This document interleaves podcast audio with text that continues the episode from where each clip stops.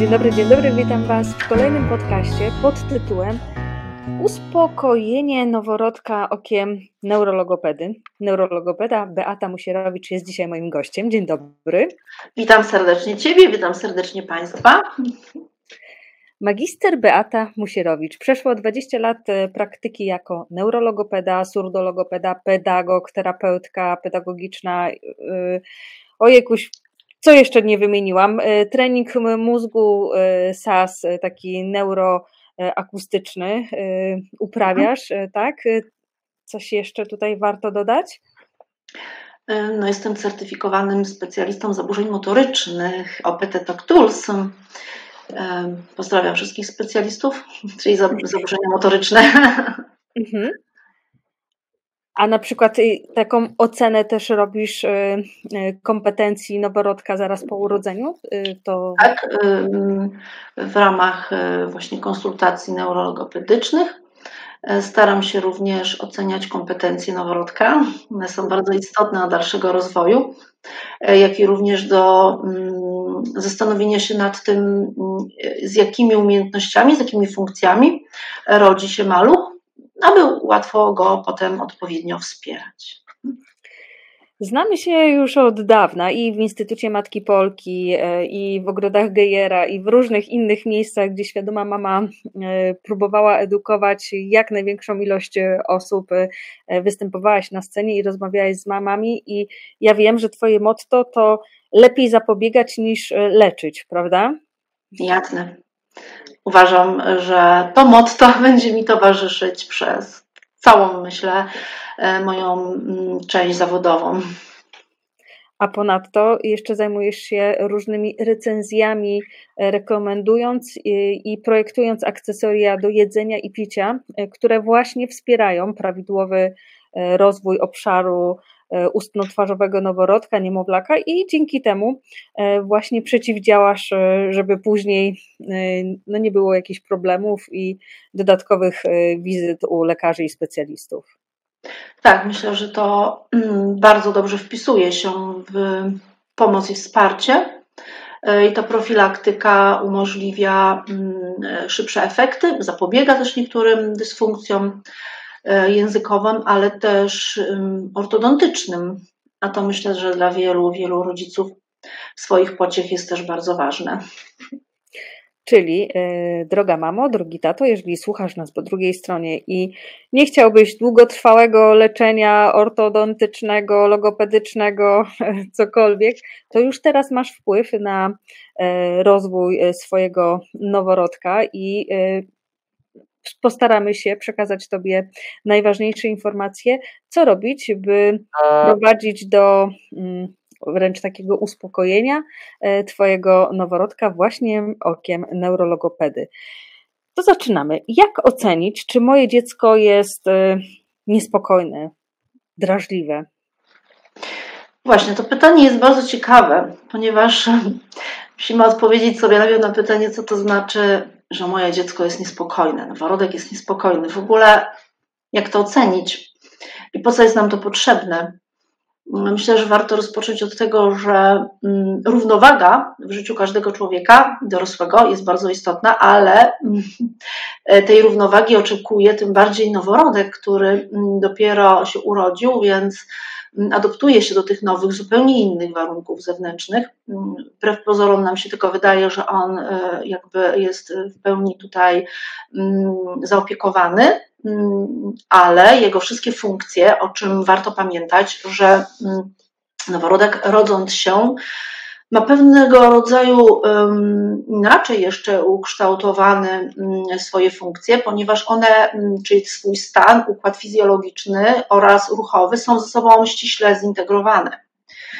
E, czyli jeśli noworodek wyprowadzony jest z jakiejś równowagi, nie ma komfortu, e, pojawia się jakiś stres wynikający z różnych czynników, no to niestety reaguje na to całe ciało.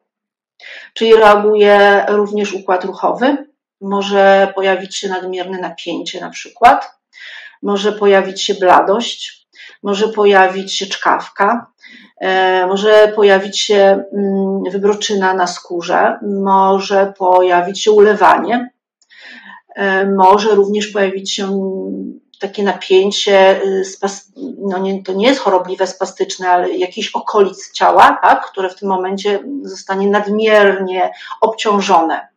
Tak? Całe ciało się rusza e, najczęściej. E, no oczywiście może pojawić się też płacz, ale może pojawić się też odcięcie. I teraz mm, pytanie, na ile mm, nasz maluch po urodzeniu jest wrażliwy, tak? Co to znaczy, czy moje dziecko jest spokojne? Mm, to znaczy, czy moje dziecko jest nadaktywne na bodźce lub niedowrażliwione na jakieś bodźce i na ile jest w stanie sam lub z pomocą rodzica wprowadzić się w stan ponownie równowagi. Tak? Czyli e, dziecko spokojne to takie, które da się uspokoić, które e, albo samo pod wpływem mm, nagłej zmiany sytuacji, czy to dźwięku, czy to dotyku, e, czy hałasu, czy nadmiaru bodźców wzrokowych na przykład, mm, jest w stanie ponownie powrócić do stanu równowagi. I teraz uspokojenie może być dane z natury i mówimy o tym w procesie na przykład skali NBAS, o której chciałam się odwołać, do tej skali noworodka, e, gdzie mówimy o habituacji. Co to jest? To jest odcięcie się od bodźca, tak? Czyli mam szansę odciąć się od bodźca. Właśnie między innymi w tej skali badamy, na ile taki noworodek jest w stanie samoistnie odciąć się od bodźca, czyli albo mm, po prostu usypia ponownie, albo po prostu jest w stanie odwrócić uwagę od tego bodźca. I to jest dość istotne w ocenie tego, czy moje dziecko jest właśnie spokojne, tak? Czy moje dziecko na przykład jeśli nie jest w stanie tej habituacji samo sobie już wykształcić na mm, początku swojej drogi, nie urodziło się z taką umiejętnością, bo na przykład jest wcześniakiem, e, bo na przykład jakieś inne sytuacje, mm, na przykład ciężki poród, tak, spowodował, że mm, no, jest pod wpływem jeszcze długiego stresu, czyli tego kortyzolu w organizmie jest bardzo dużo, już nie mówmy o innych tam patologicznych e, formach, e, to e, my możemy też wpłynąć na uspokojenie swojego dziecka, tak? Czyli w jaki sposób my możemy na to wpłynąć? No po pierwsze, czy zastosujemy jakieś strategie uspokajania? Na przykład pierwszą z taką strategią, której matka jest uczona i rodzice w ogóle są uczeni, jest w szpitalu, jest to kangurowanie, tak? Czyli oczywiście skóra do skóry, I teraz czy rodzice wiedzą o tym, że w takim kangurowaniu e, też warto zwrócić uwagę na to, że każdy noworodek ma jakiś swój własny schemat, proces, który go wycisza. Tak? Czyli dla jednego to kangurowanie będzie wystarczającym elementem, czyli skóra do skóry, zapach. Dla innego jeszcze na przykład, przepraszam, na przykład może to być głos, a dla innego głos będzie już za dużo, wystarczy wzrok tak? Czyli na przykład taki noworodek oczekuje już e, tej bliskości e, tego, żeby na przykład patrzeć w oczy, patrzeć na oczy. No, trzeba pamiętać o tym, że noworodek oczywiście gorzej widzi, ale to, co zawsze widzi, to ruch i zmieniający się kontrast, tak? Czyli rodzi się z takim komponentem ważnym. I teraz, jeśli wyczujemy, e, jaką reakcje, na jakie bodźce wyciszające ma, to jest już sposób na to, aby ten maluch mógł się uspokoić, tak? Bo pamiętajmy o tym, że rodząc się, taki noworodek jest narażony na wiele rodzajów bodźców. No, przewijanie, tak? Na przykład taki, taki prosty proces, czyli odkrycie takiego noworodka. Na ile taki noworodek w momencie, kiedy my go odkryjemy, jest zaniepokojony tą nową sytuacją, czyli nie czuje już tego dotyku, tak? nie, nie, nie czuje już tego komfortu, podparcia, na to też trzeba zwrócić uwagę, bo niektóre noworodki po prostu nie lubią tak? takiego procesu, tak? bardzo są na to e, wrażliwe. Na ile potem to uspokojenie, czyli noszenie, na przykład kontakt wzrokowy, czy mowa do niego spokojna, tak? jest w stanie takiego e, malucha uspokoić e, czym jakby wieńczy się to uspokojenie? No bo o, o, co nam tak naprawdę chodzi? Po co ten noworodek miałby być spokojny? Dlaczego nie miałby być taki po prostu bardzo pobudzony? Tak? No, on może być pobudzony, tylko ważne jest, że ta równowaga prowadzi nas do pewnych celów. Celem w życiu mm, ważnym po pierwszym roku życia jest oczywiście y, wyćwiczona uwaga i koncentracja ponieważ po pierwszym roku życia rodzą się wyższe funkcje, e, które taki maluch musi zacząć osiągać. No i w przypadku tutaj takich konsultacji neurologopedycznych, w przypadku właśnie e, jakby to, o czym tutaj rozmawiamy, uspokajania w aspekcie neurologopedycznym, byśmy mówili tutaj o uwadze słuchowej, tak?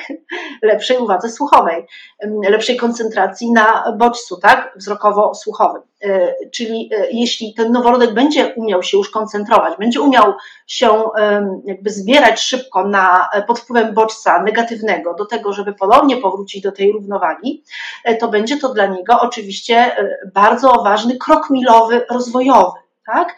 I teraz, jeśli tego, tego elementu nie ma, no to wiadomo, że ta praca powinna być skierowana właśnie na ten aspekt mm, uspokajania, koncentrowania noworodka. Dlatego, że też pojawia się oczywiście dobre samopoczucie, kortyzol znika, pojawiają się dopamina, serotonina, pojawia się oksytocyna. No i teraz y, właśnie na ile ja, jako, no, jako ten noworodek, mam też strategię uspokajania. Tak? Na przykład taki noworodek może wypracować swoją strategię.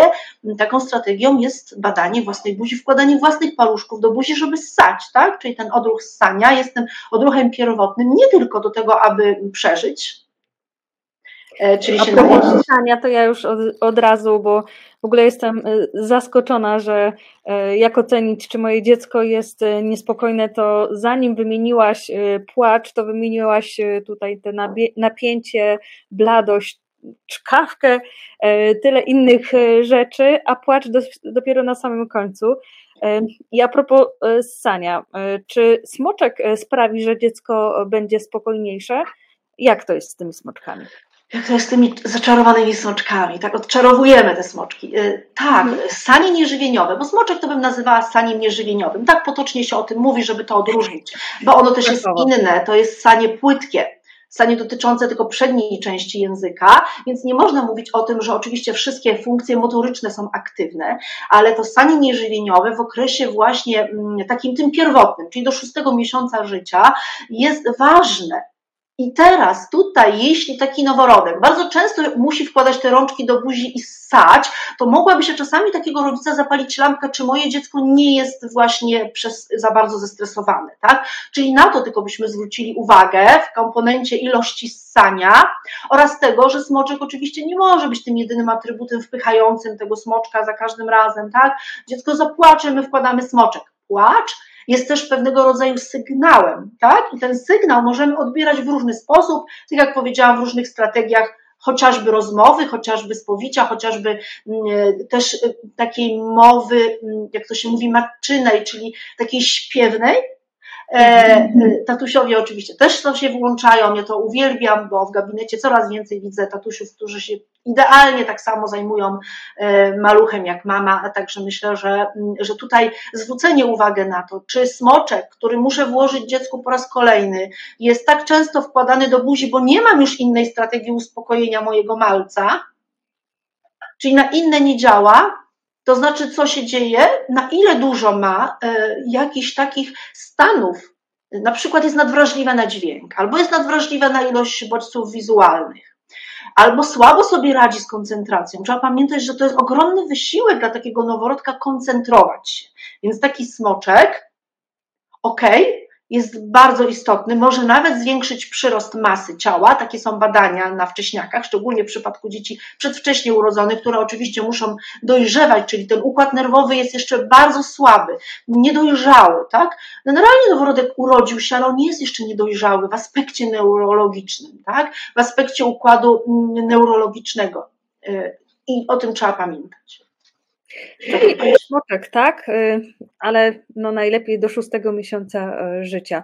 A czy otoczenie, nie wiem, zabawki mają wpływ na y, spokój maluszka? To coś, co tam w łóżeczku jest u dziecka?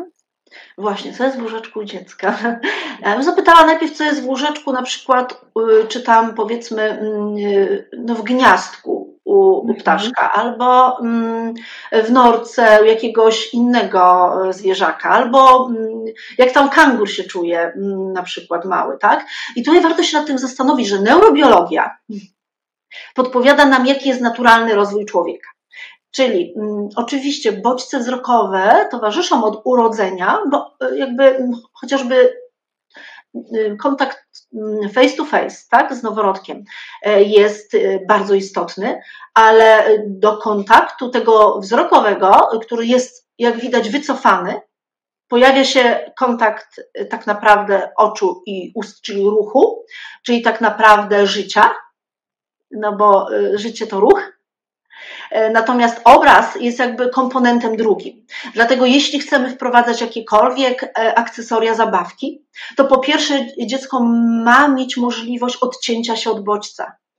Czyli jeśli taki obraz wisi nad dzieckiem tak, że dziecko nie może odwrócić wzroku od niego, bo w którą stronę się nie obróci, to, to po prostu pojawia się, e, to niestety no, nie może wykorzystać swojej habituacji poza snem na przykład, mm, albo płaczem. Tak?